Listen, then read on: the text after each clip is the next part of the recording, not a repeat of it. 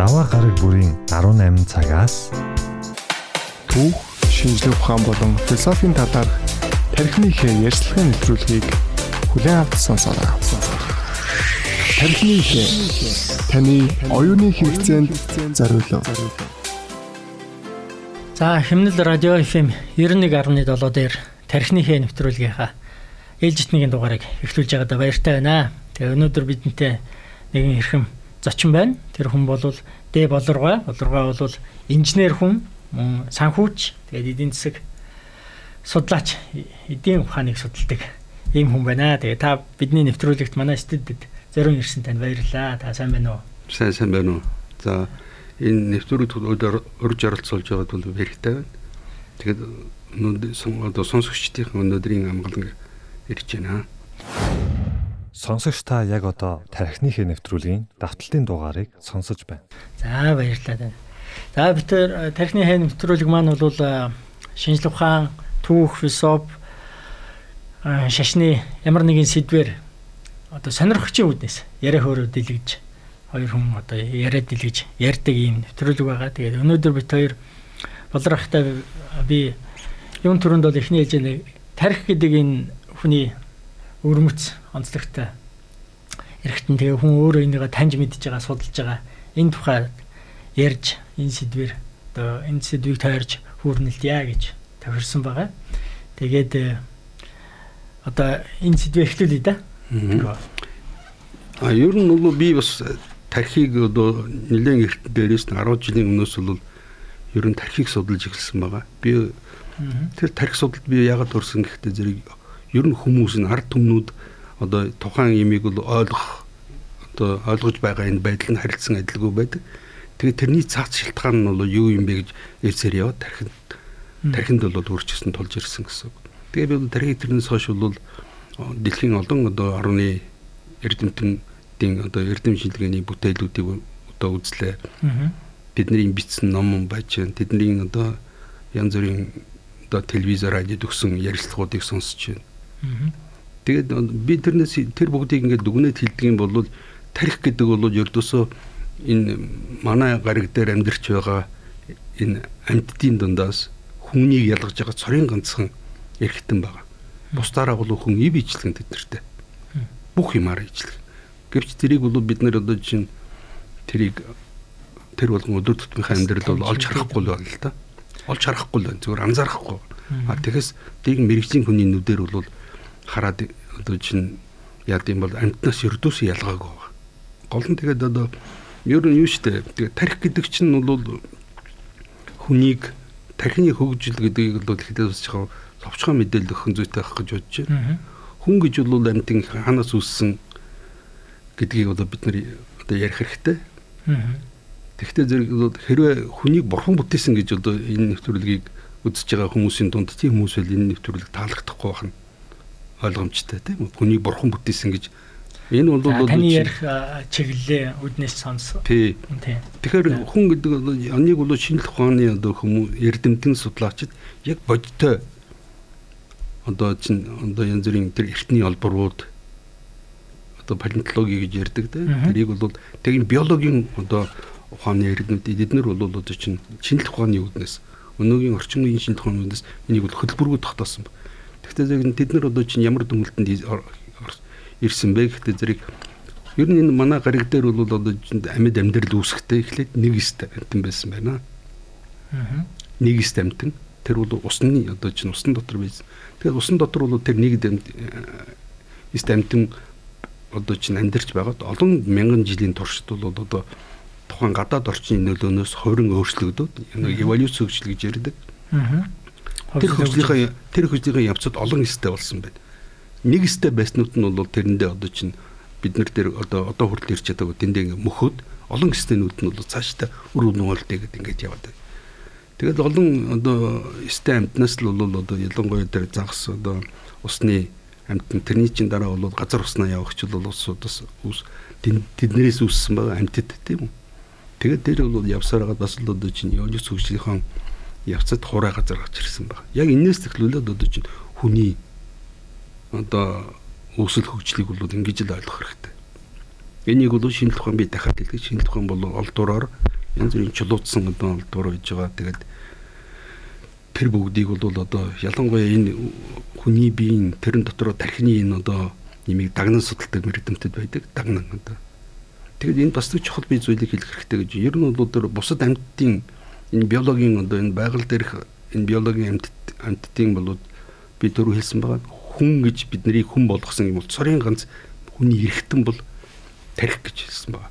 Тийм учраас энэ биологийн энэ одоо олон зүйл амьтдыг судлахын тулд ерөөсөө тархийг судлахад тэр амьтныг судалж байгаатай тэр амьтны эволюц хөгжийг судалж байгаатай яг ижилхэн байна. А мэдээж бол бид нар бол тэр одоо чинь гартаа өхөлтөө сүултээ сүйлгүү гэдэг нь бол мэдээж байгаа тэр бол.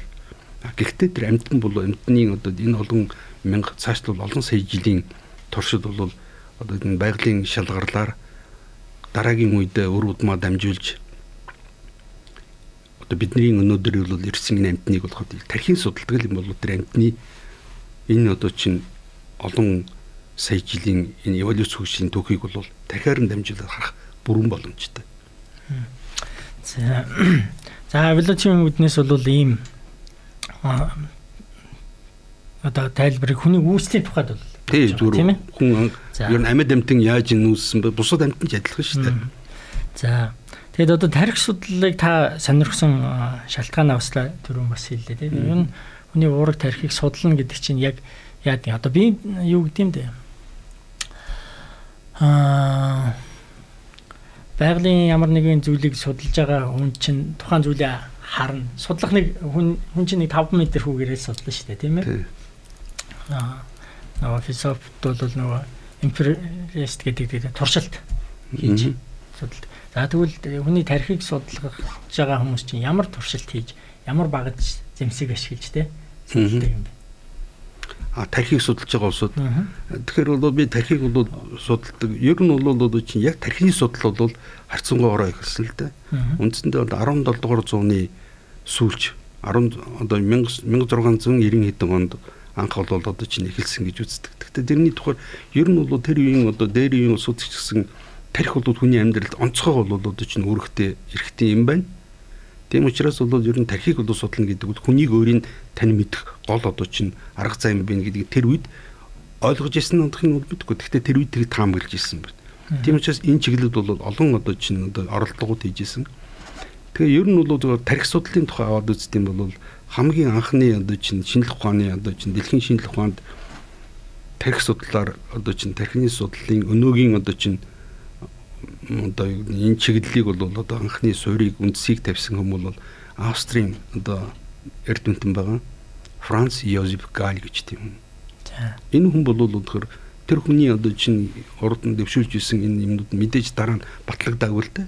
Гэхдээ тэр хүн бол энэ чиглэлд судлал бол одоо чинь юу тодорхой одоо чинь үнэн төрж болох юм байна. Бодит юмыг бол харж болох юм байна. Хүний амьдралд бол тархин үйлдэлж байгаа энэ тархиныг бол одоо чинь энэ чиглэлд нь судлал яасан гэж. Тэр хүний. Гэхдээ мэдээж бол энэний хажуугаар бас одоо бас их сонирхолтой энэ дээр зүгээр дашрамд ярихад бас Италийн эрдэмтэн байж байна. Чизаро да Ламброзо гэж эрдэмтэн байна. Тэгээд бол энэ яг тухайн тухайн үедээ бол 1800 хэдэн оны үед амьдарч ирсэн улсууд л та. Тэгээд Франц одоо Гал Франц Йозеф Гал бол одоо чинь тархины судалгааг хийж тэр үеийн одоо чинь Винийн одоо юу гэдэг тэр их стэйцүүдийн одоо тэр салонуудад одоо маш их одоо нэрд гарч тэр улсууд байхдаа би салонууд гэсэн чинь салон гэдгийг байгаа. Ер нь бол тэдний цуглардаг газруудаар бол Галийг бол одоо маш хоорондоо ярьдаг. Тэд нар лекц уншдаг. Хүний одоо ясмаа. Тэгээд тэр үед Гал болохдоо зэрэг чинь хүний тархины одоо чинь тодорхой хэсгүүд байгаа. Тодорхой хэсэг гэдэг чинь би тарих гэдгийг чинь толгооноос тусдаа бол яг энэ гавлын тэр дэд хэсэгт байж байгаа. Энэ чихнээс дэд хэсэгт байж байгаа. Энэ хоёр одоо энэ одоо чинь энэ одоо юу гэдэг хоёр бол хагас бөмбөлөг байгаа шүү дээ. Би яг энийг л тарих гэж. Уураг тарих. Уураг тарих. А тэгэхээр хүн бол хоёр тарихтай. Тэр нь бол нөгөө нугасны тарих гэж бас байдаг. Тэр нь бол хөдөө зэрэг чинь хүний энэ шилэн хүзүүнээс одоо чинь доошо нэг том том хүнд бол 30-аас 40 см-ийн урттай тийм нугас тагсан тархис мэдрэл байж байгаа. Тэр бол одоо ялангуяа одоо чинь хүн анх эхлээд ихийн одоо хөвлөд бүрэлдэхээс эхлүүлэл тэр чинь бол одоо ураг техник одоо яг одоо ялангуяа бол одоо би сая ярьсан тэр нухсны тарих бол бүрэлдэж эхэлдэг. Энэ бол хүний цаашдын эрүүл мэнд одоо чинь хүний ер нь маш чухал үүрэгтэй. Тийм. Үндсэн рефлексүүд тийм. Үндсэн рефлексүүд. Рефлекс гэдэг чинь энэс ондоо юм. Рефлекс гэдэг чинь бол бас яг нарийн үздэй юм. Рефлекс гэдэг чинь ерөн зүгээр яг хүний нөгөө одоо тархины бас нэг тийм өвөрмөц одоо чинь функцийн яриад байх. Тэрийг л бол рефлекс гэж ойлгох хэрэгтэй. Тэр бол рефлекс бүгсэн шал өөр одоо юмар үдэрдэгддэг. Тэр бол тухай үндэж бидний ярин тэгтээ энэ дараа эхлээд гол үдэс дараа гарна байх хэрэгтэй. Тэгээ ер нь бол одоо чинь тэр үед тэгээд явсан байна. Тэгээд хамгийн гол нь бол тэгээд Галиг бол Австрийн эзэн хаан болол их хавчиж энэ Австрийг тэгээд ер нь Галиг бол одоо Австрийг одоо орхин гарахаас аргахгүйсэн. Тэгээд тэр үед бол одоо Европт хамгийн их одоо эрх чөлөөний орн гэж исэн Франц руу очсон байна л да. Гэвч одоо чинь тэнд ч гэсэн Францын одоо улсууд ч гэсэн тэд нар одоо хүлээж аваагүй байна Тэр одоо яагаад гэсэн чинь бол хүн гэдэг амтан бол бүгд ижилхэн юм байна. Гагцгүй бол одоо тархин нь бол хүмүүсийн тарих харилцсан адилгүй байд юм байна. Тарих гэдэг бол хүний одоо чинь эрдэм ухаан хүний ур чадвар, авиас чадварыг бол одоо чинь илэрхийлж байдаг. Тэрийг бол үндсэндээ бол баталгаажуулж байгаа гол хэрэгтэн гэж. Тийм учраас ерөнхийд нь одоо бидний энэ одоо дунд хэсэг хугацааны дараа ер нь эн чинь биднийг удирдах байгаа улсууд чинь биднээс өөр тарихтай улсууд юм уу гэдэг асуулт өөр ирэхгүй мэдээж аяндаа ургах логикоор уран гарч ирсэн амьдралаас. Тэгээд тэд нар бол одоо чинь тим юм яригддаг гэхлэнгууд галиг бол одоо галиг Франц Йозеф галиг дөрвишилж аваад шоронд хийгээд тэгээд бол шоронд нас орсон л да зайлал.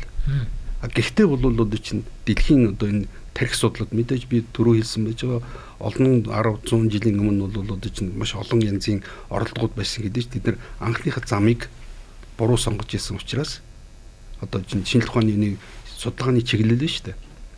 Тэрийг бол буруу тавьсан гэсэн. Тэрийг бол буруугаар өөр ядангуяа тэрэн дотор бол шашны юмнууд маш их байсан учраас яг одоо чинь шинжлэх ухаан бол болж чадаагүй. Тэгээд Франц Йозеф Галиг бол одоо ясны дараа дэлхийд бол хамгийн хүчтэй төгсөж зогсон улсууд бол Октябрийн социалистик улсууд 1917 онд ялсан. Аа. Тэгээд бол 1917 онд бол одоо чинь хуучин байсан Оросын эзэнт гүрэнд бол эзэнт гүрний дээр хаан цэцгэлийг төлхөн унгасан одоо большевикууд тэрний дотор ялангуяа Ленин өөрөө Ленин бол одоо чинь мэдээж тэр большевикуудын дунд одоо бүгдээрээ биш юм гээд ер нь бол гол гол улсууд нь одоо тарих судлалыг хөгжүүлэе гэсэн зорилготой улсууд байсан байна.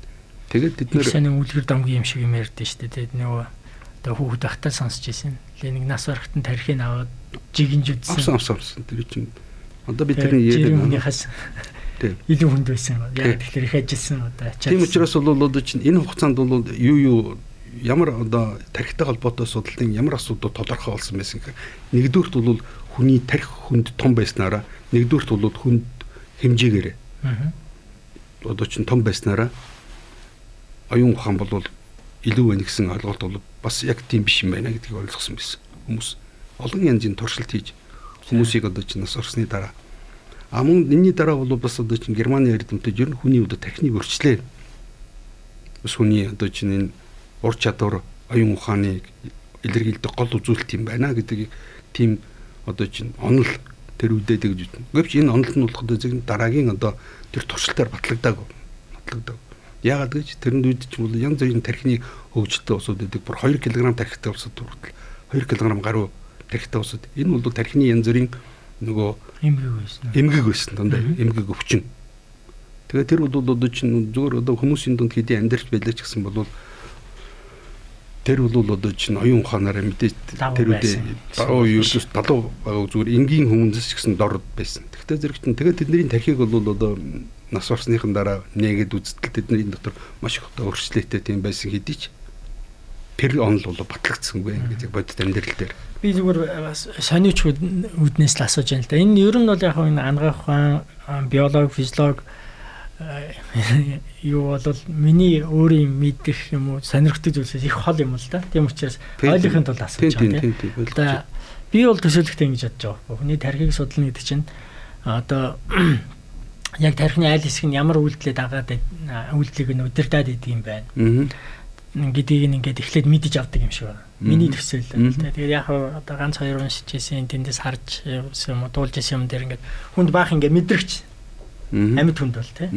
Тавиад тэгээд нэг үйлдэл хийлтэн тэр үйлдэл нь тодорхой хэмжээнд одоо цахилгаан гүйдэл гэдэг юм уу юмар ингээд тэр тархинд байгаа олон мэдрэгчдийн дундаас алинд нь одоо мэдрэгдээ тэмтрэгдээ гэдэг юм уу. Тэгээд одоо ингээ асч барьдаг юм байна л гэж ойлгосон л да.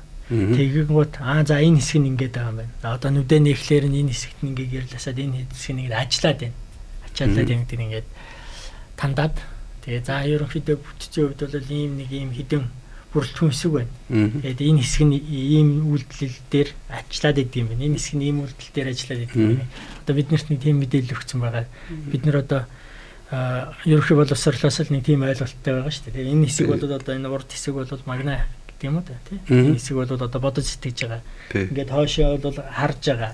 Энэ аль талаа илүү нэг талдаа хэлээрээ өгч байгаа нөгөө талдаа сонсгол илүү одоо хүлээж авч байгаа гэдэг юм ингээд ярьдаг. Тэгэхээр би одоо тийм л маягаар одоо судалж байгаа гэж байна. Гэхдээ энэ бол сүүлийн үеийн юм бол арга. Сүүлийн. Тэр анхдагч хүмүүс одоо яажсэн бол зөвхөн нас барсан хүний тархийг л одоо хэмжээд ирсэн. Тэгээ би түрүү нэг ярианда үзсэн одоо тэр Италийн эрдэмтэн Чизара Ламроза гэдэг эрдэмтэн бол ер нь бол энэ хүмүүсийн дунд одоо чинь дандаа болохгүй хулгай дээрэм хийгээд байдаг энэ гимт хэрэгтэнгүүд байна. За.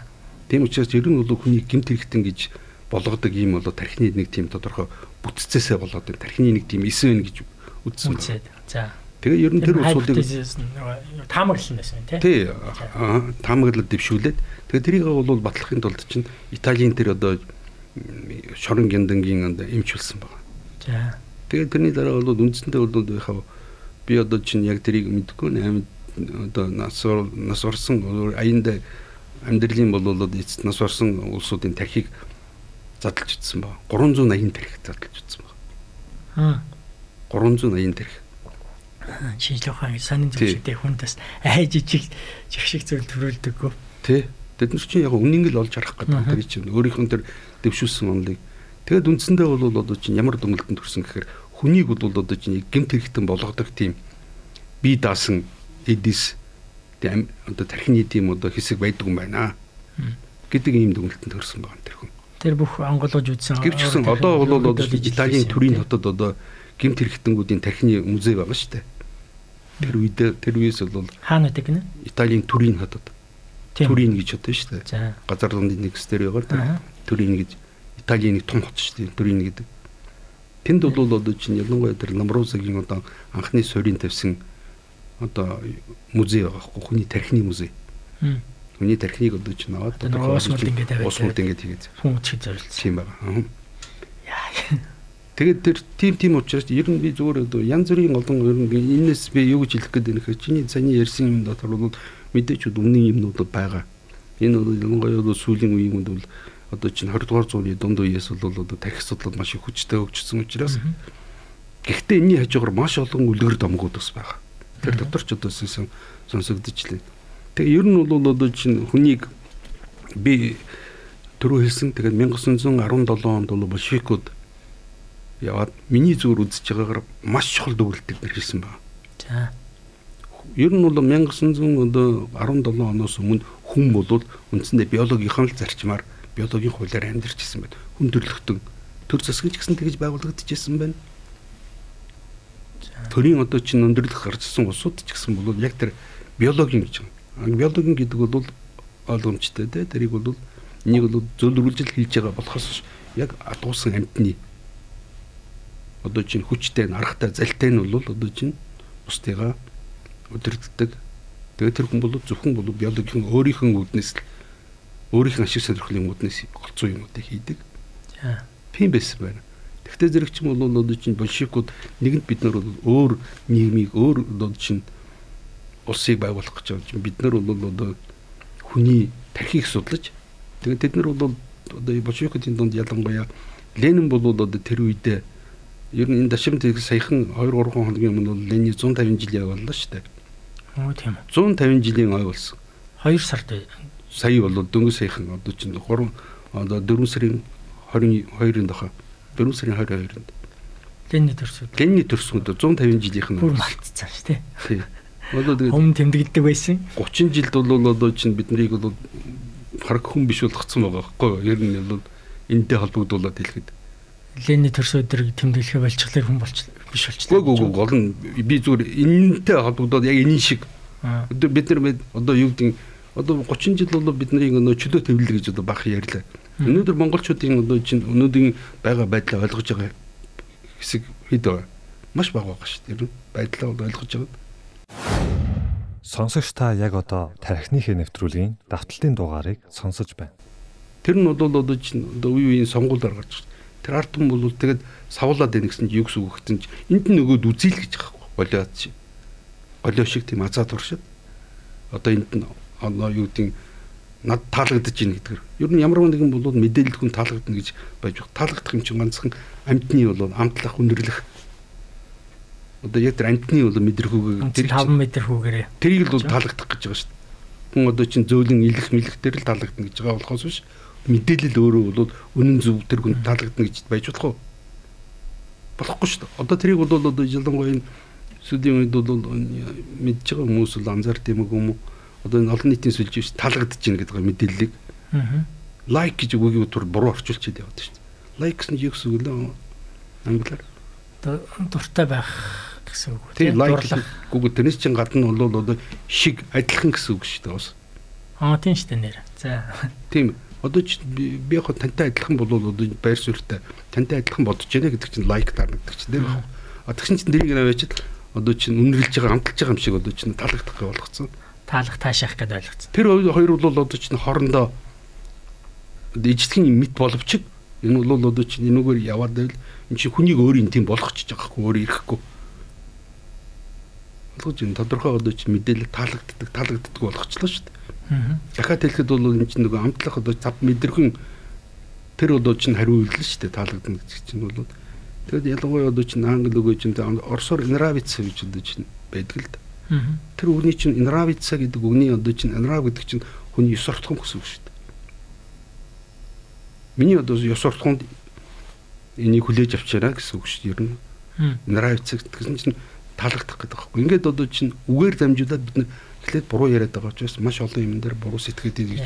Буруу яриад байгаа ч байхдаа юу л байх л та тий одоо бас нэг үе үед юу байх шиг байна. Зүгээр Монголынхаа төвийг бодглохлоор надад тэгж бодогдсон шүү дээ. Аа үед бид нар бас нэг дэлхийн бусад ард түмэнтэй соёл иргэншлүүдтэй харьцаж байгаа. Тэднээс тэрнтэй харилцаж байгаа, мэдээлэл авж байгаа. Бидний одоо сэтгэлгээний нэг гол сувг болж байгаа хэл ингээд өөрчлөгдөд идэв юм байна гэсэн бодол төрсөн. Тийм тийм өөрчлөгдөж байгаа. Одоо 13 дугаар зуунд бол монгол хэл бол янз бүрийн хэллүүтэй яжсан. Гэхдээ хятад хэлтэй илүү ойр байсан. Тэгээд одоо бичгийн авснараа одоо согод юу гэд ингээд тийш гайраа ойр. Дараа нь буддийн шашинтай болоод ирэхээр нөгөө санскрит төвд хэл ойр болоод тэгээд э, тэр үгээр тэр хэрэглээгээр ингээд бас нөгөө сэтгэдэг боддог нь өөрчлөгдөв. Ялангуяа таны үед бол яг нэг орс хэлээр мэдээлэл авдаг, тэрүүгээр сэтгэдэг, тэрүүгээр боддог үе их байсан болж байгаа шүү. Тэгээ одоо сүүлийн одоо үед бол бүгдээрээ монгол хэлээр сонсонгуудаа англи үгээр нь хэлэхлээр бас ойлгодог болцсон тий. Одоо та юм уу танаас ахмад насны хүмүүс бол ялангуяа монголоор хэлээд орсоор хэлэхлээрээ айгүй тодорхой ойлгоод байдаг. Тодорхой тийм байна. Тий. Тэгэнгүүт одоо мань мити үеийнх нь болохоор монголоор хэлээд англиар хэлэхдээ аа гэдээ ойлгодог. Болцсон тийм л болоод байх шиг санагддаг шүү дээ. Тэр бол одоо бас тийм байгаа. Яг бодит байдал болоод. Гэтэ тэр зүг байна. Замнартай ярих юм бол төвдөр хэлээд бид нар бас ойлгоо шүү дээ. Тий. Монголоор ярихлээр зүгээр өдөр тутмын ярианд монгол хэлээр яг номоо үзээд ярих гэх юм бол төвдөрөө ярьж иж ойлголцдог. Тэр ухагтуунаа мэдэрдэг ойлгодог болчихно. Тэгтээ зэрэг чинь Монгол бол одоо хэл энэ бол малчны хэл байгаа тийм малчны. Ер нь бол одоо тоо баг байдгүй. Ер нь тоо тухай олон тоог бол бүр мэддэггүй. Цаг хугацааг бол одоо чинь мэдээ цаг хугацааны юм дөр бол тэгээ малныхан одоо юугаар ярьдаг чинь гар гавл одоо чинь одоо чинь хөл гар бүхс энэ төр гэж яриад байсан. Машины дангийн хүртэл ингэж нэрлэдэг шүү дээ. Энэ чинь бол нөгөө малчны юм л одоо чиддэг. Тэгтээ ер нь бол бусад ард түмнүүд бас л тийм байсан бас л одоо юу гэдэг тариачин үнэсдэхгүй юм. Гэхдээ энийг одоо хөгжүүлэхгүй шүү дээ. Одоо нь хөгжихгүй манай үгэнд чинь. Тэгэхээр бол одоо бид нар гадаадын үгийг одоо авцардаг ялангуяа бол гадаадын арчлал гэдгийг л үзье л зүгээр гадаадын демокраси гэсэн үг шүү дээ. Энийг бол орчуулсан өөр үндэстэн байд юм уу гэдэг. Би бол мэдэхгүй юм байна. Ер нь байдгүй байх гэж бодож байна би. Би яг зүгээр энэ Азийн ард өмнөдийг мэдэхгүй зүгээр яг Европын одоо ард өмнөдийн дотор демокраси гэсэн үгийг орчуулсан Монгол шиг ардчлал болгоцсон. Чилэл гэдэг чинь ердөөсөө тийм одоо юу гэдгийг одоо юу гэдэг ямар нэгэн одоо үгнээс нэр үг бүтээх даврууч шүү дээ чинь чи өөрөө мэрэгжлийн хүн мэдчихэж байгаа тийм. Тэр загварыг залгаад. Яг би ган улж байгаа Монголын одоо одоо философийн хургаланд байгаа хүндтэй нэг сайхан хүн байна. Философч ба философч хүн. Тэгээ ган улж байгаа шудраг усны тухай бас юм философийн хэрэгцүүлэл ном бичсэн тэгээд тэндээс харж байхдаа бол тэрийг бас их гоё хэрэгцүүлж үзсэн байлээ л дээ тэгээд ардчлал гэдэг бол орчуулсан шалтгаан тэгээд шүмжээч хэлсэн байлээ. Тийм. Тэгэхээр бол Тэгэхээр би бол бодож хэрэгж байгаа зүйл байна. Би бол тэрний эсрэг байгаа үзэлтэй. Тэгэхээр дээр яагаад гэдгийг би тайлбарлая л да. Товчхон ер нь гадаадын одоо чинь ямар нэгэн үг ялангуяа одоо чинь ардчлал гэдэг одоо манад орчуулсан байгаа хэдий ч буруу орчуулсан байгаа дийлэх хэрэгтэй. Энэ демокраси гэсэн үг байгаа шүү. Демокраси. Орсоор юу гэж хэлэх вэ? Демократия гэж. За. Ялгаагүй л байгаа юм тийм. Тэгээ демокраси ямар ч ялгаа байхгүй чи герман хэлийг одоо демокраси ч гэж юм тэгэл орчуулсан байгаа байхгүй. Тэгэхээр бол одоо чинь энэ үгийн энэ үгүүдийг турхан ардам өөрийн хэлэнд өөрийн болгоод аваад ашигласан. Тэгэхээр бол би ямар нэгэн одоо чинь нэмийг одоо орчуулж байгааг нь ягаад буруу орчуулж байгаа гэхээр тухайн үед манайд ердөөс ийм улсын дэглэн байгаагүй байхгүй. Хизээч манай түүхэнд байгаагүй. Хардан засаглах гэдэг ойлголт тэр чинь зүгээр ойролцоо үг бодхоос ш. Ойролцоо үг чинь тэр үгний бол одоо чинь яг анхны одоо чинь гарал үүсэл тэр үгийн одоо чинь сайн тэр нийгмийн одоо чинь дэглэмийн сайн мог бол ердөөсөө тэр үгээр хэрэг орчуулчдсан бол одоо ардын гэхдээ зөв чинь ондоо орондоо юм болчихно. Тийм учраас миний зүгээр одоо байр суурь болохоор гадаадаас юм өгнүүдийг бол орчуулах гэж оролдоод хэрэггүй. Ялангуяа манайд одоо чинь урд өмнө байгаагүй. Одоо тирани гэж байгаа шүү дээ одоо чинь Нэг удаа хүмүүс ингэж ажиглаад байхад бол дураар орчуулдаг байхгүй. Тирани гэдэг чинь бол яг одоо юу гэдэг Итали үг л дээ. Үг чинь юу гэсэн чинь хэсэг улсууд засгийн эрхийг хүчээр авсан үнийг л тэгээд өчн өөр нэг хүний нэг хэсэг бүлгийн болоо диктатор тогтооцсон байгааг л тирани гэж. А тэгвэл чи манайх чинь одоо чинь харигс дарангуулагч чинь Гэхдээ тэр чинь тэр үгийг нээхгүй байгаа. Тэр үгийн задлын тэр одоо чинь одоо этимологи гэж ярьдаг тэр одоо тэр үгийн гаралд үүсэл одоо чинь хөгжлийн ямар одоо чинь санааг Тэгтээ зөв чинь энд бол нэгдүгürt энийг хүмүүсийг буруу буруу үгээр яриад байгаа учраас манайхан маш их буруу сэтгэхэд байна гэж бод. Тэр нь бол илэрхий байгаа. Ер нь жишээ бол зөндөө дурдж болно. А хоёрдугаарт бол гадны хүмүүстэй бол буруу ойлголцоод байгаа байхгүй юу? Одоо арчлалын тухай одоо ингээд одоо манайд би За хоёул юу яач? Санахгүй байна. Октябрийн хувьсгалаас уг нь юу яажсэн дээ нөгөө тарих судал маань өөрчлөгдөжсэн гэдэг юм ярьжсэн хоёлаа. Явчлаа октябрийн хувьсгалд би тэгээд энийг зөвхөн санаагаа дуусгах гэсэн юм. Тийм учраас бол бид нар цаашдаа одоо чинь гадаад үгийг үнэхээр одоо чинь тэр үг нь тэр тэр одоо чинь тухайн юм нь манай улс оронд байгаад мэдээ ямар нэгэн үг хизээ нэгэн цагт үүсгэсэн л байгаа. Тэр үгийг үүсгэсэн л байгаа. Тэр үгийг тийм үү? Тэр хүн бол ямар нэгэн юм дээр хэрэгэлсэн л байгаа. Албан ёсны бичиг баримт дээр. Тийм учраас бол одоо бидний одоо энэ бүх одоо 30 жилийн одоо өнөөдрийн энэ байдлаас л гарахад хамгийн гол хийх асуудал ажил нь Монгол хүнийг зөв нэр томьёогоор зөв бодож сурах хэрэгтэй байна. Бид нар зөв үгээр одоо нэр томьёогоор бид нар яриад эхлэнэ гэдэг бол хүн ихлээр зөв бодохын ихний ялгамыг нийцэж байгаа. Тэгээд бид нар чинь зөв боддсон бол тэр бол би одоо сайн монгохгүй бол зүгээр өнөөгийнхэн бодит байдлыг язж яг бодит байдлаар нь ойлгох сурах хэрэгтэй. Ийм бол боломжтой бол нэгдэж байгаа. За тэгээд би таны хүснээр бол тэр эргээд 1917 оны 17 онд бол тухайн үеийн Оросын хаан цэсгийг түлхэн унагсан большевикууд ямар бол одоо чинь улс орондоо урд нь бол хаан цэсгийг түлхэн унагсан шүү дээ. Тэгээд хаан цэсэг гэдэг бол ер нь бол 1800 за нэг 50-аад оноос эхлүүлээд мөн урд ч гэсэн ялгаагүй хятадд ч гэсэн ялгаагүй оросд ч гэсэн ялгаагүй үндсэндээ хүмүүсийн бол одоо бүх нэг засах маш олон орлого хийсэн байгаа. Энийг бол өөрчлөх гэж Тэгээд тэр бол одоо энэ тэмцэл одоо ангийн дотор бол ингэж бүгссэн юм явсаар байжгаад 17 онд бол үнэхээр зэвсэгт том бослого болсон шүү дээ. Гэхдээ энэ дээр бол би хүмүүст хандаж нэг зүйлийг зориуд анхааруулж хэлэхэд 1900 одоо чинь 17 оны тэр бүх Оросын хаан засгийг төлхөн унах ажлыг яг большевикууд гардан хийгээгүй. 2 дугаар сарын хувьсгал гэж яддаг дээ. Оросын 17 оны 2 дугаар сарын хувьсгал гэж байгаа. Аа.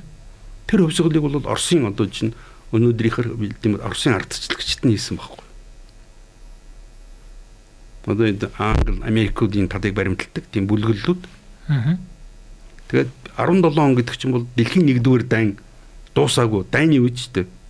Дайн болж байгаа улсад ард талд нь ийм төрийн эргэлт хийж байгаа. Төрийн эргэлт чинь тэр чинь бол Тийм учраас чинь бол энийг бол зориудаар бол хийлгсэн байна. Яг тэр үед нь бол урд нь бол их 60 хэдэн жил одоо шүү дээ. Байсан хэдий ч 67 8 жил бол үргэлжилсэн энэ дотоодын тэмцлийн ямиг яг одоо чинь 1917 оны тэр 2 дугаар сарын дондор бол тэмцлийг бас л энэ гадаадын бол тагнуудын тусгай албан зохион байгуулсан. Энэ бол одоо чинь миний одоо тэр орчуулж одоо хэвлүүлсэн номон дээр тодорхой байгаа. Үе юуд тагаа цаг хугацаатайгаа бүх төр улсуудын хилжсэн. Энэ бол одоо тэрхэн үеийн одоо тэрхэн үеийн тэр одоо их барьжсэн улсуудын хилжсэн үг одоо гаргаж исэн тушаал бүх юм чимд архивт бол одоо ингээд тэр тухайн юм алдчихад архивд үлдсэн байгаа шүү дээ бүх юмнууд тэрийг бол бат тэрэн дээр бол бичсэн номнууд идэг л да яг нөгөө тарих судлалын хоёлаа нэг хөгжил түүхийг ярьж авснаа юу нөгөө аа нийгмийн үзэгдэл түүхээр нь авчлаа тийм. Гэхдээ эн чинь бол одоо тарих судалтайгаа бас нэг толботой. За. Аа тэгэд тэгэд Оросууд бол одоо чинь тэрний дараа бол одоо Ленин тэргүүтээ большевикууд 1917 оны 10 сард 8 сарын дотор тэр бол улс орныг тухайн үеийн одоо тэр либерал ард зэлгчд нь үнэхээр Орос орнг бол тэр агуу улсыг бол бүгдийг сүтгэж сүтгэж болох юмнуудыг Одоо чи боддоо жишээл авъя л да. Улсыг гэдэг нь хаан засагтай байсан үеийг. Хаан засагтай. Тэр үед бол Оросын одоо жишээ нь бол Европын бол хамгийн их одоо хөгжсөн байсан одоо хөгжлийг бол мэдээж эдийн эдийн засгийн чадвараар үнэлж байгаа тийм биз. Тэн чинь бол машин үйлдвэрлэлтэй одоо дотор тэр үед 1917 оноос өмнө нэгдүгээр дайнхийн гэдэг ер нь дайн бол одоо чинь зэвсгээ өөртөө хийдэг маш олон. Тэгэхэд бол одоо хоёрдугаар Николай бол үнэхээр тэр бол ганцхан гэрүүлдэл одоо чинь анхаарал дээр гэрүүлийнхнийхэн дээр авгаа хөөхтэй хайрладагс Оросын ард түмнийг бол хайрлахгүй нь бол тодорхой мэдгдсэн баг. Гисэн хэдий ч Орос зэргүүд бол одоо чинь тохон үе яваад одоо чинь дэлхийн нэгдүгээр дайныг ялтын өмнө ирсэн байсан байхгүй. Ялтын өмнө хамгийн гол шийдвэрлэх давшилтууд үндсэндээ бэлэн болсон гэхээр фронт дээр бол бэлтжээтэл хэлэхдээ шүү. Ард талд нь нийслэх хотод нь тийм одоо төрийн хэрэгэлт боллоо Тэгээд тэн чинь бол одоо тэр тэр үеийн одоо либерал ардчлагч нь төр засгийн газар гэж байгуулсан Керенский тэргүүтэй. Тэгээд Керенский бол ердөөсөө цагаан гартан өмгөөлөгч сайхан ярьдаг хуульч хүн байсан. Тэр үеийнхэн гэвч бол фронт дээр бол юу болж байгааг сайн мэдэхгүй. Улс оронд бол эдийн засгийн хувьд бол юу юу болоод байгаа, юу хэрэгтэй байгааг бол бүдэг бадаг. Тэгвэл сонингуудын одоо чи мэдээллийн төвшөнд байсан. Ийм учраас чинь тэд нар бол үндсэндээ Керенский тэгээ хамгийн гол би тэг зүйлийг хэлэх хэрэгтэй. Тэгээ тэр үед чинь нэг ардчлал гэдэг чинь бол одоо цэргүүд бол овчооруудынхаа үгэнд орохгүй байж болно. Давшланд орох хэсгийг бол санал хурааж шийднэ гэж. Аа. Тийм бол одоо нэгдүгээр тушаал гэж байна. Керенский нэгдүгээр тушаал гэж байгаа. Дайны үед одоо тэгж болд юм уу? Санал юм байна. Тэ? Вот энийг бол ойлгох хэрэгтэй бид нэр. Ер нь бол энэ чинь либерал ардчлал гэдэг энэ багхгүй да. Хүн өөрөө шийдэн чи өөрөө шийдэх хэвээр. Гэвч тэр бол улс орны хувь заяа ард түмний бол одоо өчнөө олон хэдэн 100 одоо мянгаараа фронт дээр амир өгцөн хүмүүсийн одоо чинь угдгээд тэнд ч хэрэггүй болчихж байгаа байхгүй. Тэгтээ зэрэг чинь бол яг ялангуяа тэр айрам нь бол үндсэндээ тэгээ задарсан. Тэр тэгээ дараа нь болоход зэрэг 18 оны дундуур бол Оросд иргэний дан гаргах чинь хамгийн гол нь сая 700 мянган зэвсэгтэй хүмүүс фронтос өчнөө олноор алга болчих. Одоо би шийддэг бол болцсон юм чинь. Би өөрөө өөрийгөө шийддэг үү. Тийм учраас чинь тэрний дараа бол Ленин тэргүүтээ хэсэг большевикууд бол Ленин бол манайх байгаа саяхан бол 150 жилийнхэн болсон. Ленин бол үндсэндээ миний бодож байгаагаар тэр үеийнхэн ер нь бол одоо чинь өнөөдөр Ленин шиг юм тийм том одоо чинь одоо нийгмийн философч гарч ирсэнгүй шүү дээ. Тэр бол одоо бидний мэдж байгаа одоо чинь 8 цагийн ажлын хөдөлгөөн одоо хүний нэг өдрийн бол одоо чинь ажил үргэлжлэх хугацаа 8 цаг байна гэдэг большевикууд тогтоосон. Дэлхий дээр анх удаа. Юу нэгд Орос сурсан хүнээс одоо Орос хэл мэддэг учраас большевик гэж юу гэсэн үг юм? Олонх гэсэн үг шүү дээ. За. Олонх юм. Ягаад бол большевик гэдэг чинь бол урд нь большевик намууд чинь Лонд туралдаж исэн гэж боддоо та нар. Большевик намд чинь Оросын большевик нам уу? Нам тий. Тэр бол Ленин бол маш уян хатан одоо одоо юу гэдэг тийм үдээцгээ явуулдаг ус төрч байсан. Гэхдээ бол дайснуудынхаа эмгч гэсэн ашигладаг байсан. Тийм учраас бол Оросын дотор бол ердөөс ховсгал гаргах. Ховсгал гэдэг чинь одоо бид нар бол өөрөө нэрлэлчээд байгаа болох чинь төрийн хэрэгэлт тахгүй. Бүх юм чинь одоо чинь өөрчлөгдөн тийм ээ. Өөр усуд гарч ийн өөр бодлого явуулдаг болно. Тэгээ эрх мэдэл эрх мэдлээ дагсан хууль тийм шүү дээ. Хууль тогтооч нь хууль тогтоомж гаргахыг хэлж байгаа. За. Тийм учраас бол одоо чинь тэг тийм учраас ер нь тэнд лендергүүтэй улсууд одоо ховсгал тэднэрээс улс их орногоо 17 оны 10 сард бол октябрийн хөсгөс гэж октябрь гэдэг үг чинь өөрөө 10 сарын хөсгөл гэсэн шүү дээ. 10 сарын хөсгөл гэсэн үг байхгүй юу?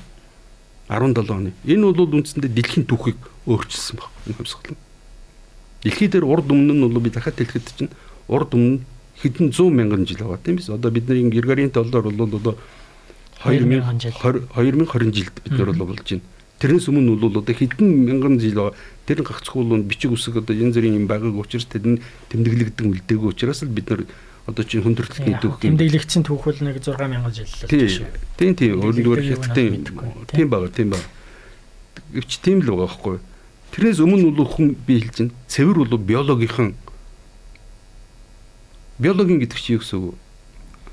Амтан аратны одоо энэ байдлаар гэсэн шүү дээ. Ер нь зүгээр одоо биологийнхаа байснаар байсан. Биологийн зарчмаар улс орон одоо чинь зохион одоо юу гэдэг улс орны зохион байгуул удирдах ирсэн байна. Тэрийг өөрчлөе л гэсэн зорилго тавьсан байхгүй.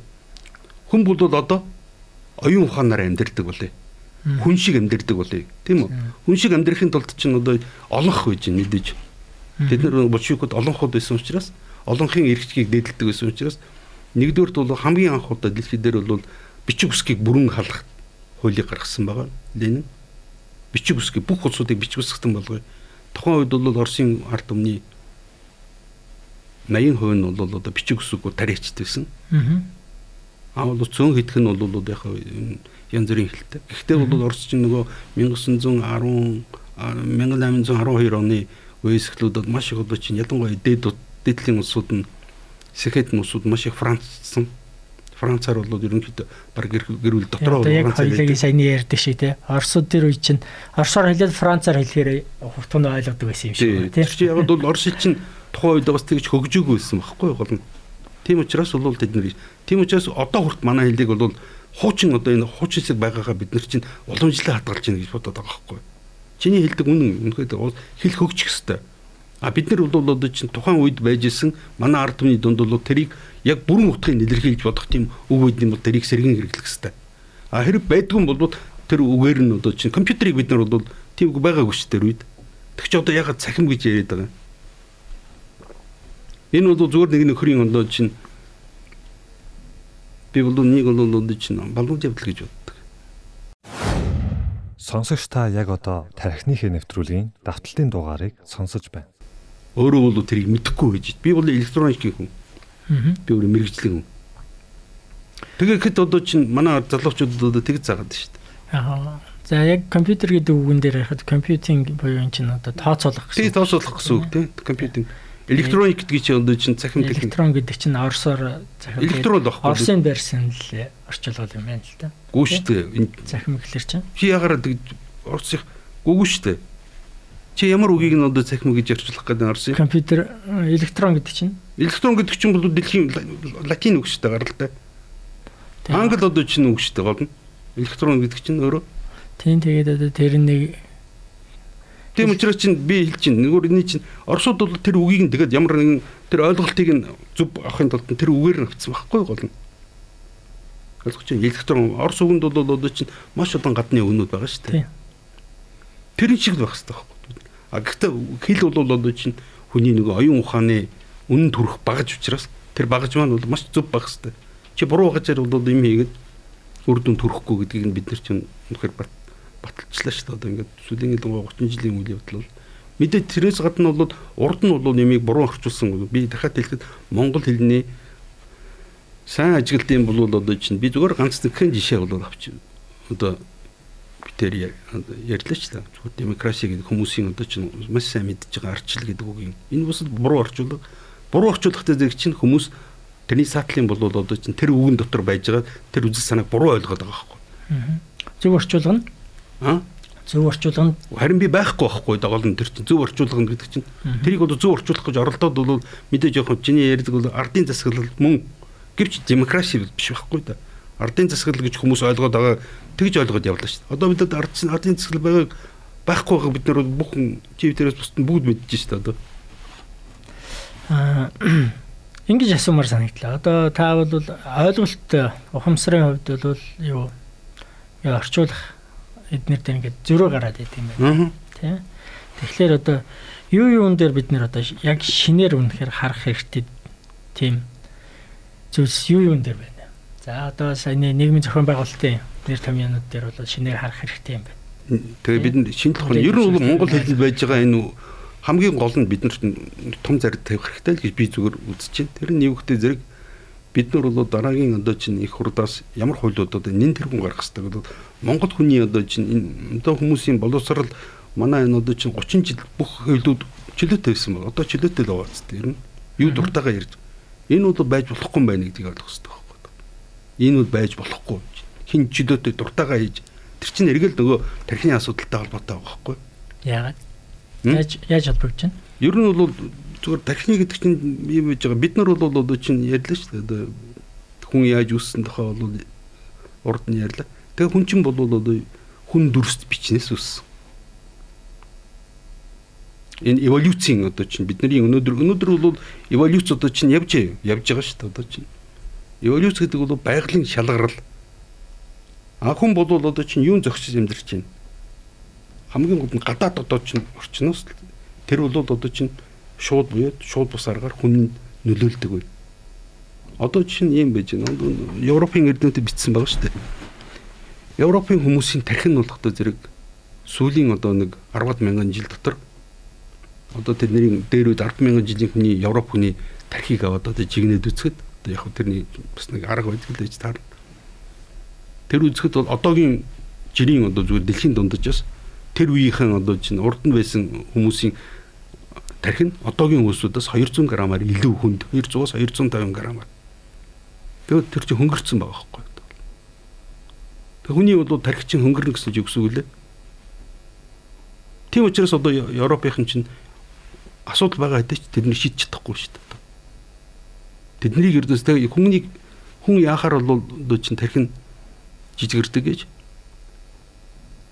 Нэгдүгürt бол дайм байгаа байхгүй хамгийн гол хүн төрөлхтний одоо ялангуяа сүүлийн 2000 жилийн түүхэнд бол хүн төрлийн түүхэнд 21 мянга орчим бол дайн дажин гарсан гэдэг тийм биз. Тэрнийг бол одоо 20 мянгаыг нь бол Европын тэр олон улсууд өдөөсөн байгаа байхгүй. Тэгтээ зэрэг чин дайнд бол одоо ямар улсууд явах вэ?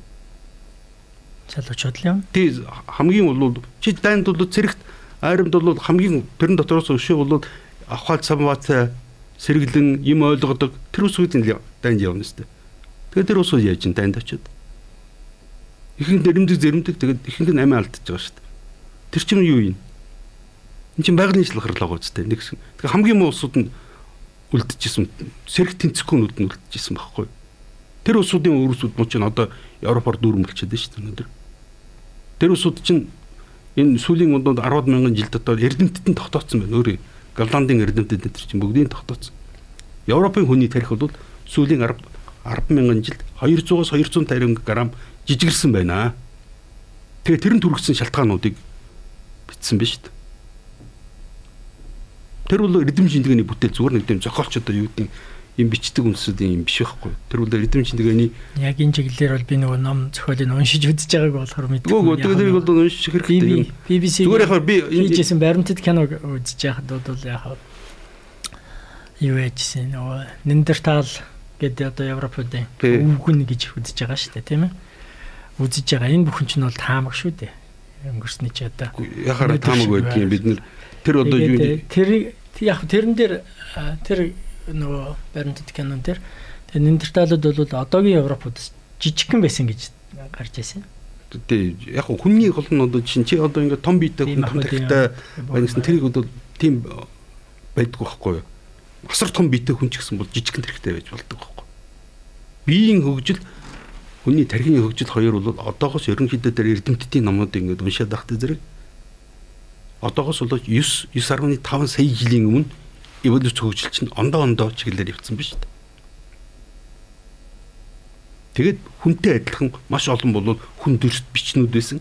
Тэрэн дотроос өнөөдөр өдөөсөө үлдсэн байгаа Homo sapiens Neanderthalчид бол тодорхой хэмжээгээр үлдсэн байна. Европын одоо ямар чи бол энэтэй холбогдуулаад нэг зүйлийг чинь Neanderthalчид чи ердөөсөө юу штэ. Ягаад одоо чинь Homo sapiens ч одоо их л одоо чинь юу юм энэ биологийн одоо энэ эволюцийн явцад бол үндсэндээ ялгадаж ялгагдсан гэдэг чинь ямар утгаар хэлж байгаа чинь Homo sapiens-чууд нь ийм олон болсон байна. Энэ дэлхийг бүргэсэн байна. Ягаад Неандерталчууд бүр тэд нар чи ердөөсөө одоо чинь цөөхөн бүлгээр явдаг. Тэр чинь нөгөө одоогийн бодлоор чинь тэр чинь өөр үгээр илэрхийлээд индивидуализм гэсэн шүү дээ. Тийм учраас чинь мөхсөн байхгүй. Бид нар бол одоо чинь ягаад ийм олон болсон байна. Дэлхийн одоо чинь одоо Монгол хүн, Хятад хүн одоо чинь юу гэдгийг Орос хүн тэгээд одоо цаашлуулаа Герман одоо бүх одоо тийм үү ихэнх нь бол 90% нь бол Homo sapiens-чуд байгаа шүү дээ. Homo sapiens-чуд байгаа байхгүй. Тэгээд тэд нар яасан гэж тэд нар чинь бүлдэрээ амьдэрсэн байхгүй. Бүлдэрээ одоо чинь олуулаа амьдэрсэн. Олуулаа амьдэрхт чи яах хэвээр бие биенийхэн ашиг сонирхлыг хүндэтгдэг хамтын одоо чинь хамтдаа одоо тэднэртийг тэр бол одоо чинь дэлхийн биологийн түүхээр бол батлагдсан, нотлогдсон юм шүү дээ энэ чинь. Тэгэд одоо чинь одоо юу гэдэг барууны барууны одоо чинь тэр индивидуализм хувь хүний эрхчлөө гэдэг чинь интерталцийн үзэлүүд байхгүй юу? Тарихтай холбогдуулаад үзэхэд чинийг бол үзээрэй. Тэгэд хамгийн гол нь тэд нар бол бас яг тэгж боддог. Одоо ядангуяа чи юу чинь тэр BBC-ийн кино ер нь бол BBC-ийн киноныг маш болгоомжтой үзэх хэрэгтэй гэж зөвлөмөр. Тэгэд чи нөө Desmond Morris-ийн одоо тэ The Naked Ape гэдэг номоор хийсэн тэр юу тэр одоо баримт баримт гэдэг чинь хаалтан дотор хэлж байна. Тэр киног яриад байна тий. Эрэхтэй миний үзсэн тэр биш баха. Миний үзсэн. Би бол тийм өөр өөр BBC-ийн тийм BBC-ийн тийм кино байхгүй. Би тэрийг мэдчихээн чиний үзсэн. Би бас мэд үзсэн. Тэр гол нь бол зөвхөн тэр кино гэдэг бол одоо чинь мэдээж анх одоо чинь тэр судалгааны бүтээл. Тэгээд Desmond Morris бол Лондонгийн амтны хүрээлэнгийн одоо чинь яг мэрэгжил нь амтын судлаач биш шүү дээ. Тэр тэгээд The Naked Ape гэдэг чинь бол нүцгэрсэн сармагчин гэсэн ийм сармагчин гэж нэрлэж байгаа байхгүй. Ape гэдэг чинь бол monkey гээгүү тийм биз дээ. Ape гэдэг чинь зөвхөн хүнийг илгэл дуурайч гэсэн байхгүй юу? Англи хүндэд ape гэжлэх чинь сармагчин дуурайч гэсэн байхгүй. Тэгээ хүн чинь маш олон юмыг дуурайдаг юм байна. Тэд зүгээр үзүүлчихдэг бол одоо ингээд манай залуучууд одоо чинь биен дээрээ шивэстэй байж байгааг бол чи мэдж байгаа сүүлийн үед Тэр зүгээр харуулчихж байгаа байхгүй. Шивэсийг бол энэ дээрээ тэд нар хийж өгөөг баг. Ингиж болдсон байна гэдгийг харуулчихж байгаа байхгүй телевизээр. Тэгэл бүгдээрээ бол биендээ шивэсийг гэдэг хэлж байгаа байхгүй. Хүний тархич нь тийм байна. Тэгэд бол би энийг ярихад хүмүүс хүмүүсийн чинь бол дотор нь тархич нь одоо хоёр үндсэн функцтэй байна. Нэг нь болох зэрэг чинь нөгөө бидний балар хитний тэр одоо чинь одоо юу гэдэг өвөг дээдсээс өвөг дээдсээс уламжилж ирсэн Тэр яг тэр биологийн амьд амьтны амьд гарах амьд байх гэсэн. Тэр лимбус байна. Оросоор лимбический одоо гэж ярьдаг. За. Лимбус гэдэг чинь латин гаралтай лимбус гэсэн. Тэр хүний бол одоо одоо юу гэдэг энэ хоёр дагснаас ахуулаад ингээд энэ урдлын духны хэсэгт бол байж байгаа энэ дотор ийм одоо хагас дуг байгаа. Тэр бол одоо чинь хүний голцоо бол маш олон хүмүүсийн амьдралыг бол тэр шийдэж байгаа. Тэр бол маш хүчтэй. Тэр бол маш эртний тийм бол тархины бүтц байна шүү дээ хүний тархины. За. Тэгээ бид нарыг бол хүн болгож байгаа гэдэг чинь энэ хоёр том хоёр бол одоо энэ бөмбөлөг нь бол бид нарыг хүн болгож homo sapiens болгосон гэдэг биш байхгүй юу? Одоо ялангуяа бол сүүлийн 4.5 сая жилийн өмнөөс үүссэн гэж бол эрдэмтэд бичээд байгаа. Эрдэмтэд гэдэг бол энийг одоо чинь зургийг харуулад энэ чинь нотлох баримтуудаар бичээд тэрүү хэлдэ ямар бол одоо юугаар тэд нар чинь микроскопоор олцоо ажилтдаг шүү дээ. Ер нь бол тех судлаач хүн бол микроскопоор ажилтдаг дандаа. Олцоо.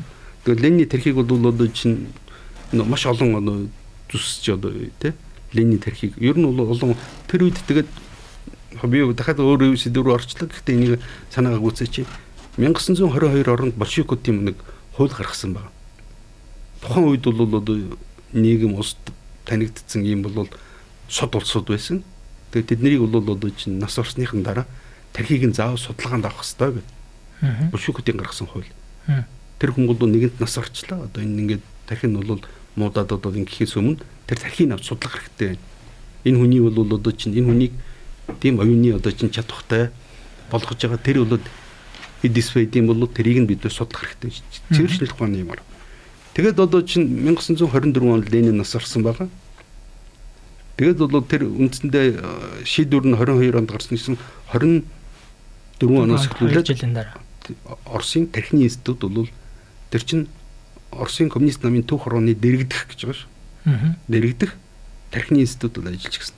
Тэрний гол бол зорилго нь болохоор Оросын одоо чинь Ленин одоо бусад одоо энэ тухайн үеийн сод улсуудын тархийг нас орсныхан дараа авч тархийг нь судлах. Тийм зорилгоор бол байсан. Тэгээ тэр үед бол Германы эрдэнэт урагдж ирсэн байгаа. Тэр үед чинь Фокст гэдэг бол эрдэнэт бас эрдэнэтэн хид хідэн одоо юу гэдэг лабораторийн ажилтнуудыг бол авцарч ус орсуудад тэр тухайн үеийн юг байхад Тэгэхэд бол Орос орон маш хэцүү мөнгө төгрөгийн маш хэцүү байсан ч гэсэн тэднэрт хангалттай бол одоо чинь зардал мөнгөний шийдэж өгч тэд нар бол тэднэрт яг бол шинээр одоо гол одоо юу тухайн үеийн одоо үзэл суртлын одоо талаас мэдээж орсон байж дараа. Гэхдээ л бол тэдний гол нь урдаа тавьжсэн зорилго хүн төрөлхтний түүхээр одоо бид нар дандаа амтэн шиг амьдраад эхэллээ. Одоо бид нар нөгөө хүн чинь би сая ярьлаа ч тэр хүнийг бол амтэн болгож байгаа тэр лимбус гэж одоо чинь энэ тархины нэг хэсэг байдаг байна шүү дээ. Тэрнээс гадна бол хүний тархи нь одоо чинь энэ хоёр юу бүрхэж байгаа неокортекс гэж тархины нэг бүтц байгаа. Хүний тархийг бүртгэж байгаа 6 мм-ийн зузаантай ойролцоогоор бас 6 давхар байгаа. 5-аас 6 давхар.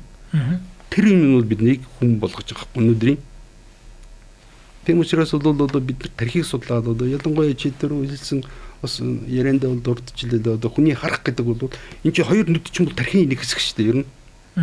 Хоёр нэг нүд бол тархины нэг хэсэг ингээд эволюц хөгжлийн явсад бол одоо ингээд хүн эдээ тэр чинь бол нэг нүдтэй энэ төр амтан байсан л бахал та тэр үед. Гэвч тэр нь бол одоо байгалийн одоо эволюцийн энэ шалгуурыг давч чадаагүй гэдэг тэр үедээ байхгүй болсон. Одоо юу гэдэг босооч гэдэг юм хүн янз бүрээр одоо чинь төрсөлж болох бахал та. Яг одоо хоёр нүдтэй юм байгаа тэд нар нь бол дараагийнхын удамд нөгөө амьтанд бариулчихгүй тийм биз? Тэгээ дараагийнхын удамд нөгөө хоолт хижээлээ олж идэх тэр одоо тэгээ тийм учраас бол лимбус гэдэг нь утгатай зэрэг хүнд маш их хүчтэй нөлөөтэй. Одоо хүүхдүүдэд ялангуяа. Одоо одоо чинь нэг 11-ээс эхлээд 16 7 8 хүртэл бол хүний шилжилтийн нас гэж байгаа шүү дээ. Тэр үед чинь болохтой зөв хүн лимбус нь бол янз бүрийн тийм гормон өөрөөсөө ялгаруулдаг цэвэр одоо гормоноор явж байгаа байхгүй тэр чинь. Нөгөө одоо хүн үржилд орхолчлоо гэсэн үг байхгүй үндсэндээ ер нь амтан зөнгүүд нь яваад тий яг амтан зөнгүүд давгаалж одоо 20 гараад ирэхлээрээ хүн гараад тэгэхээр тэр нь сулардаг байна. А зүгээр бол юунууд нь болохтой зэрэг? Юун дамгаалах вэ? Дамгаалж байгаа юм бол тэр дотор бол байхгүй. Юм зүгээр одоо чинь ялангуяа тэр би шилжилтийн насанд одоо чинь маш их давмгаалж байгаа юм тэр чинь хэмжээгээр томрдгоо тэр чинь гол нь маш их хүчтэй даавар ялгаруулдаг эхэлж байгаа байхгүй. Даавар. Хими уруулууд яваад хими уруул цэвэр биохим байхгүй энэ бол тийм учраас бид нар чинь одоо био эцэгхийнхээ сонсгоо болчдаг энэ төргээд байгаа. Тэгээд өвөө одоо эсрэг хүсдэнгөө одоо сонирхож байгаа энэ чинь цэвэр одоо юуны шинж байхгүй гол нь лимбусын хийж байгаа одоо. Лимбус гэсэн чинь би дахиад хэлэхэд энэ бол одоо тархины тодорхой хэсэг баг шүү дээ лимбус гэдэг латин үг байгаа одоо ялангуяа англи одоо хэлний номон дээр бол лимбус гэж хэлдэг байхгүй юу? Тэгээд одоо энэ бүгд чинь бол яваад ингээ хүнийг өнөөдөр ийм байдал. Тийм учраас чинь би хэлж чинь одоо юу гэдэг Тэгээд энэ лимбус ч юм бол тогтоо зэрэг бол үндсэндээ хүний үндсэндээ гурван гол функцтэй хүний амьдралын туршид хүн бүхэнд байдаг. Хүн ямар байхаас хаана амьдарч байгаас нүн шилтгэл хүн байдаг. Хүн homo sapiens-ийн одоо чинь амьдралын гурван юм баг. Нэгдүгээр идэж явах. Хоёрдугаар үржих. Гуравдугаар энэ хоёрыгаа бол тодорхой юм шийдэгдсэн бол бие биендээ ихэрхэх. Тэгээд бол ялангуяа тэр нэг би түрүү хэлээ Desmond Morris-ийн тэр Naked Ape гэдэг бол эн чинь бол тэр одоо юм дээр хүнийг амтан гэж үзсэн байхгүй тэр чинь цэвэр ape гэж. Тэрийг бол зүгээр яхаа аа усаг. Гэхдээ тэр нь бол зүгээр сэрв амтны хүнийг тэгэхээр ер нь бол зүгээр энэтэй холбогдуулаад хэлэхэд тэд нар биднийг бол одоо өнөөгийн монголчуудыг хүн гэж үздэг байхгүй хүний ирэх гээд байгаа шүү дээ. Хүн гэж үзэх юм чинь чамайг би болно чи бол одоо өөртөө хамаатай гэж бодоод байгаа болохоос уучлаарай эн чинь 30 жил бид нар яруу тот харууллаа шүү дээ. Ойлгуул ойлгохоор. Сонсогч та яг одоо тархиныхээ нэвтрүүлгийн давталтын дугаарыг сонсож байна. Юу гаулжигван шудросны ишонл гэдэг намайг би нэг саяхан уншижсэн учраас нэг толгойд аягүй ойр байгаа. Тийм.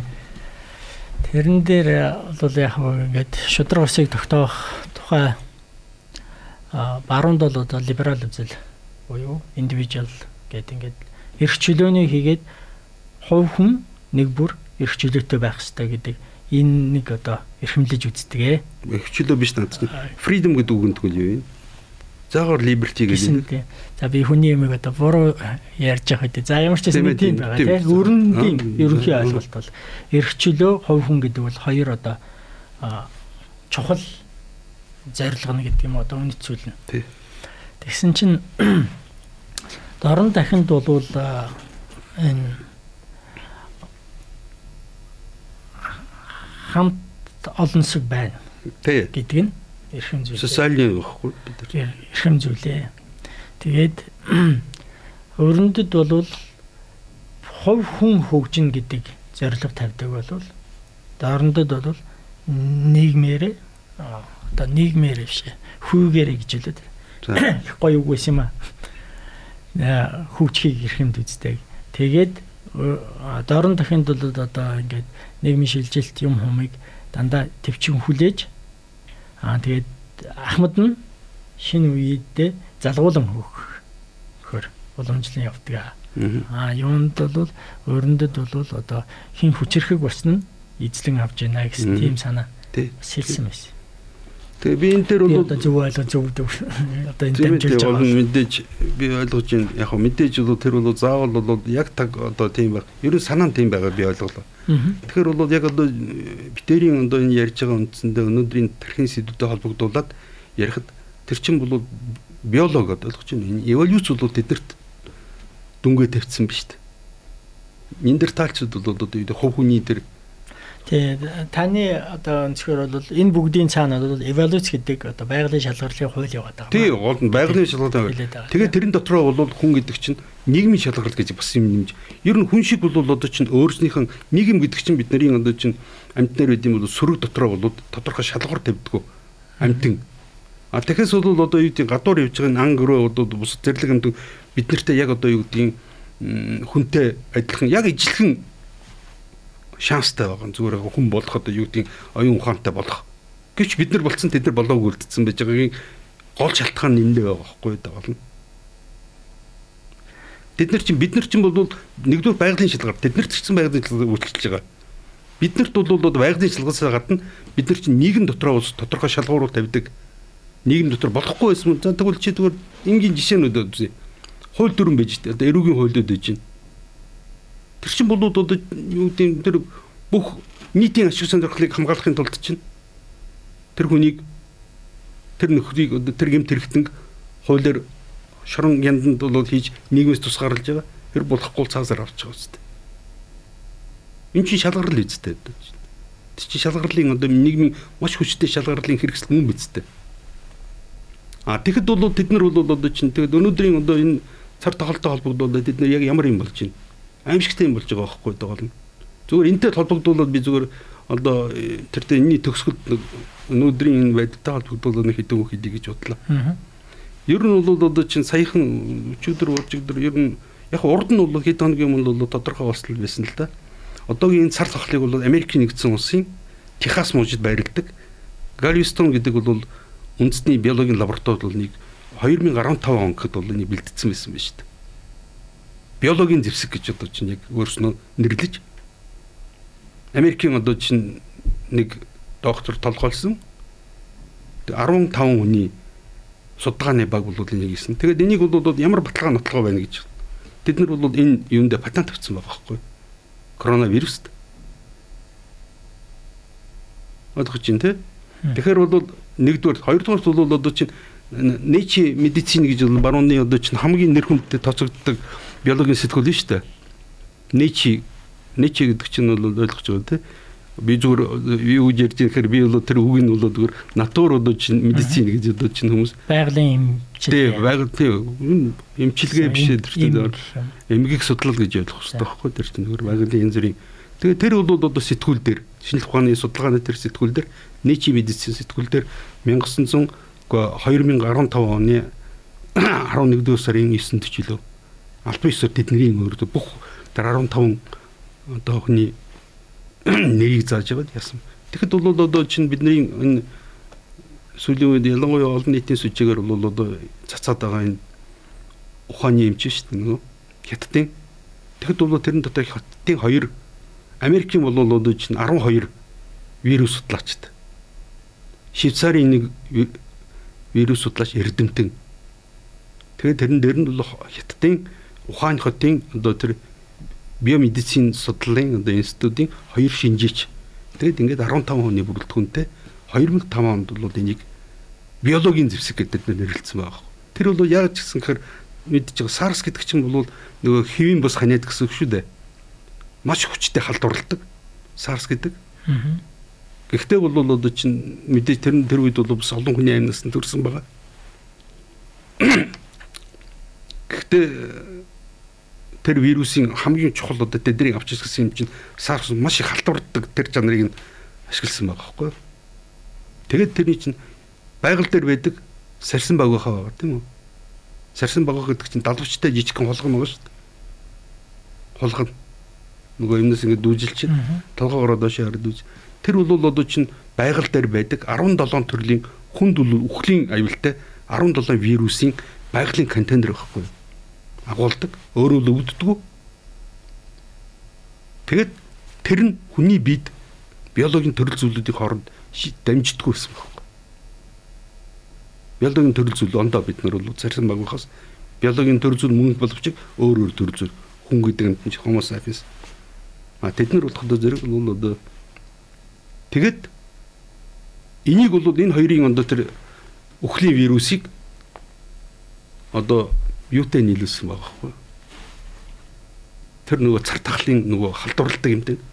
Тэгээд гол нь энэ бол одоо юунаас авсан тэр сарсан байгаагаас авсан тэр бол одоо чинь эдис нь олон одоо чинь ийм эдисүүдийг хоёр өөр биетээс байгалийн хоёр өөр төр зүйлээс эдисүүдийг тэрийг олон янзаар комбинацлдаг шүү дээ. Олон янзаар хийж үздэг, нийлүүлж үздэг. Тэгээд нөгөө нуклеидийн хүчлүүдийг ДНК гэж ярьдаг манайхан тийм ээ Тэр хүчтүүдийг тэгээд бол үндсэндээ нэг бол хийцсэн байсан байна. Гэтэ тэд нар бол одоо чинь ингэж хэлсэн байгаа. Тэгээд эднийг бол бид маш олон янзаар ингэж иймнүүдийг нийлээ. Ийм ийм хоёр юмнуудыг бол ингэж нийллээ. Тэгээд энэ нь бол одоо чинь урд өмнө ялангуяа өдөр сарсын үед бол тэрний одоо чинь тэр бактериудыг судлаж ер нь бактериудыг судлана гэдэг чинь бол мэдээж судалж яж юуг нь гаргадаг шүү дээ. ДНК-г нь бол илрүүлж яж тэрний эсрэг битүүдийн вакциныг тэгж гаргаж ирдэг тийм биз. Тэгэхэд бол одоо чинь тэгээд тэрийг бол цаарсын үед бол боловсруулсан вакцинууд эднэрт ямар ч нөлөөлөгүй гэдг нь батлагдлаа. Нэгдүгээрт. А хоёрдугаарт бол тэр сарсан байгаахан одоо чинь авсан тэр эдсүүд нь хүний уушгин дотор бол одоо чинь маш их одоо өвчин дэгдэж цааш маш өвчтэй тархаж чадчихээн гэдгийг энийг бид нар тогтоолоо гэж. Ийм л байгаа байхгүй. Тэгэхэд Тэгээ Монгол Монголын одоо хэл мэдээллийн юмнууд бол энэ тухай юмыг ярихгүй шүү дээ нэг. Тэгэхэд нөгөө хөшөөл хэрэггүй юмыг болохоор маш их сурталчилдаг байхгүй юу? Тэгээд одоо үндсэндээ бол одоо Тэ тэгээд энийг бол яаж яхад Монголын ард түмэн бол түүхэндээ урд нь юунд одоо биологийн бас юм хадлаганд өртөжсэн улс шүү ч улс шүү дээ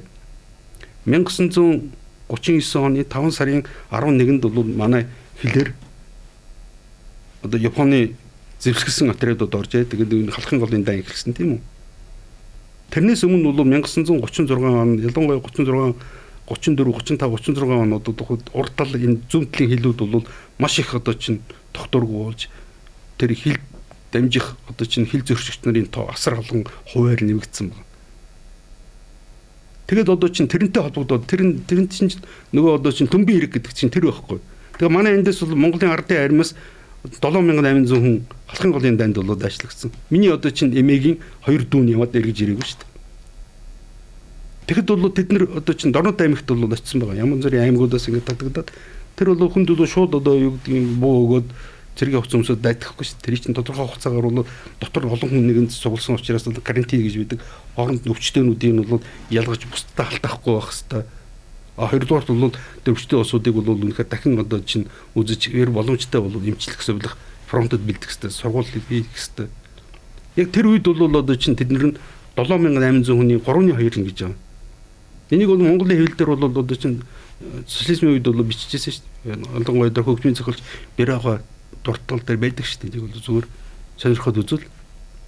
Тэгэхээр 700 одоо чинь 31 дугаар анги гэжсэн байна.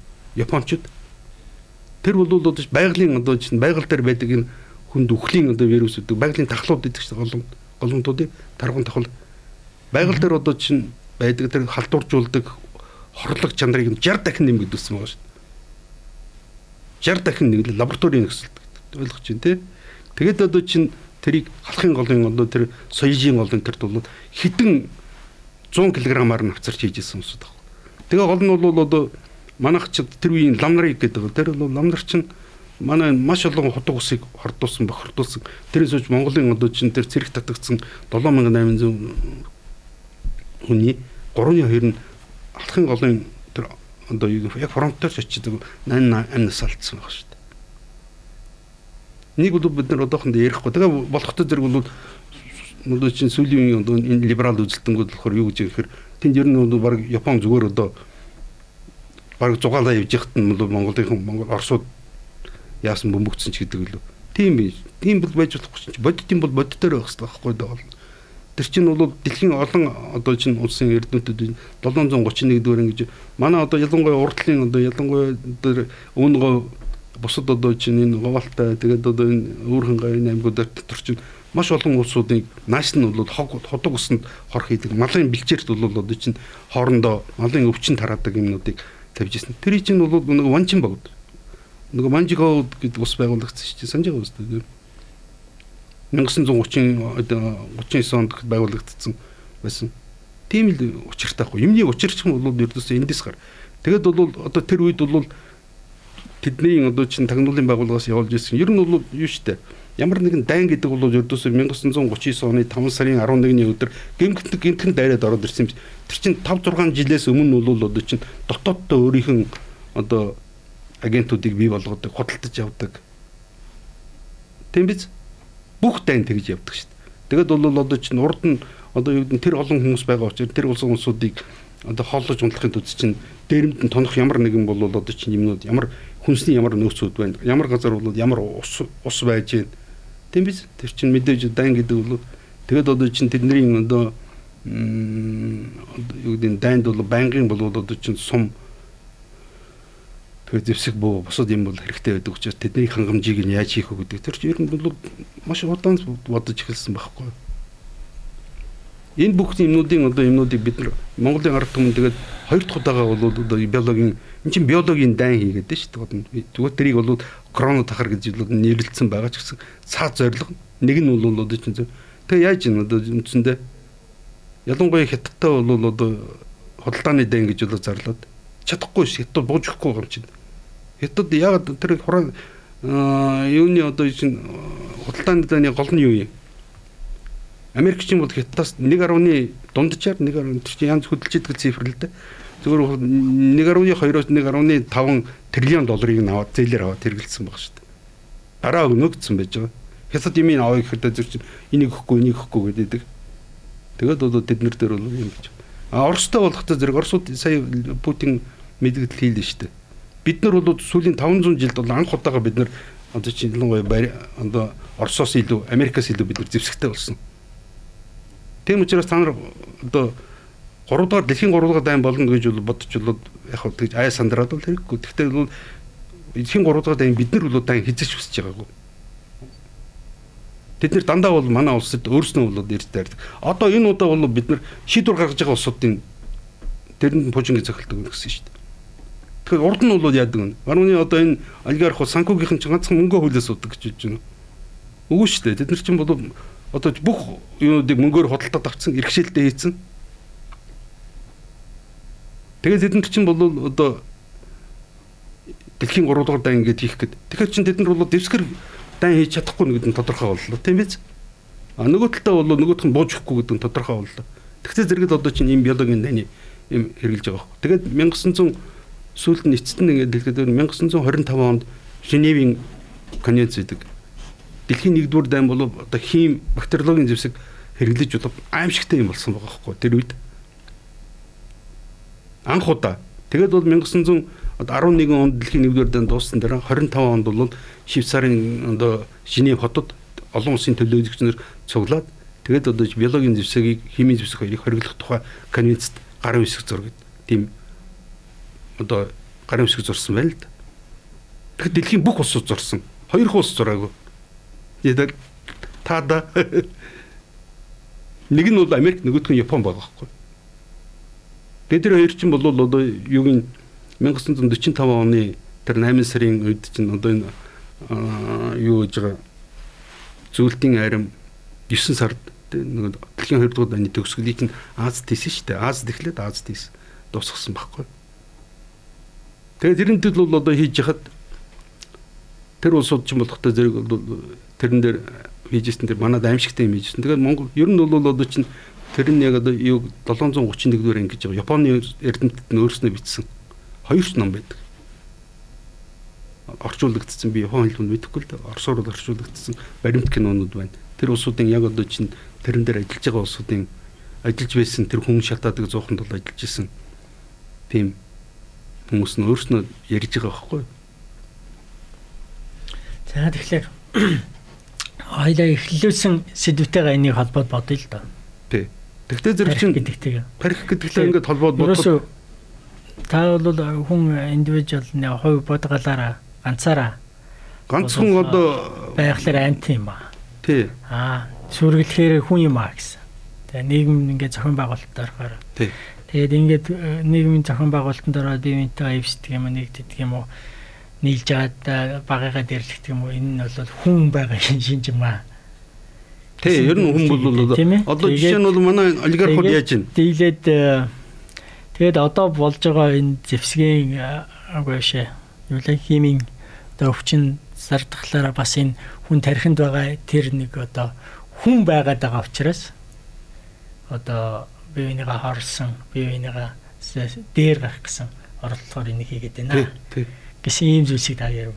Зөв. Гүг ер нь бол одоо нэг хэсэг улсууд чинь одоо чинь Нидертал тал нь бол илүү давуу галтсан тийм хопасап Homo sapiens-чуд байна шүү дээ. Одоо чинь ялангуяа тэр бол Америкийн одоо ийм юм хийгээд эрдэмтэн улсууд биш шүү дээ. Эрдэмтэн гэдэг чинь хүн төгсний сайн сайхны төлөө бол одоо үнний одоо амнасанд бол хүрээд байгаа тэр хорт хавдрыг имжлэх тухай тийм үнд гарахгүй байгаа хгүй да. Ер нь бол тэд нар чинь эмч одоо өнөөдрийн одоо миний зүгээр үзэж байгаагаар өнөөдрийн бол одоо чинь биологийн шинжилгээ ухаан би одоо биологийн ялангуяа шинжилгээ ухааныг бол сүүлд их сонирхож судалдаг болсон л доо. Тэгэхээр хүн бол маш олон боломж байгаа байхгүй. Хүн дөрдөөсөө урд нь эн чинь хол нь бол мөнгөний хэрэгсэл болчиход байгаа даа аюултай байхгүй. Баруун дөрдөөсөө авшид одоо чинь эрүүл мэндийг одоо юу гэдэг даатгалтай болоод чинь мөнгөний авна гэсэн дээ болно. Мөнгөний асуудалтай баг. Бүх юм чинь мөнгөтэй очил холбогдсон учраас энэ одоо мөнгө хүлдэг, оргуу хосноос мөнгө хүлдэг. Манай улсуудыг ихэнх нь бол одоо чинь ипотек, моргежийн зээлэнд ийцсэн байна. Энд чинь цэвэр бол бичлэлээр залингийн аргаар бий болгодог зээлүүд байхгүй хүн чинь одоо юу гэдэг нь тэрийг ойлгохгүй байж шүү. Одоо чинь зарим нэгэн одоо чинь тэр юу улбар улаарсан либералууд нь тавлаад шолоод байгаа шүү. Та нар 30 жил ойлгохгүй ингээд. Энд чинь төр засаг нь бол ойлгуулах ажлыг хийх ёстой байхгүй дээ чинь.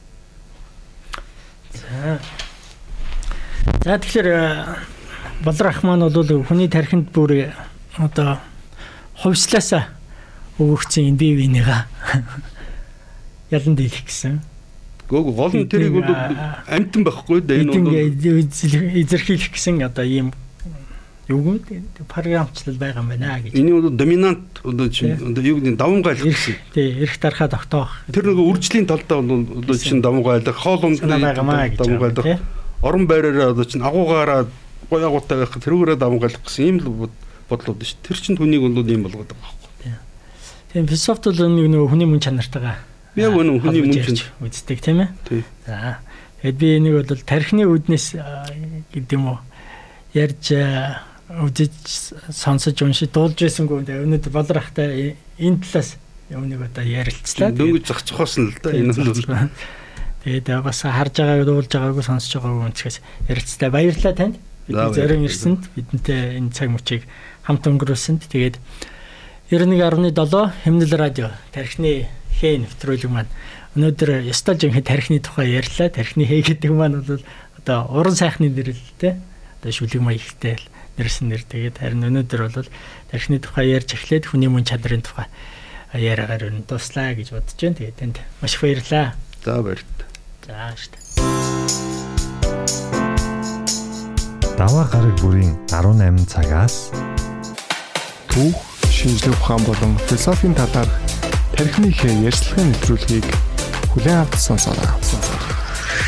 Тархины хэ таны оюуны хэрэгцээнд зориулав.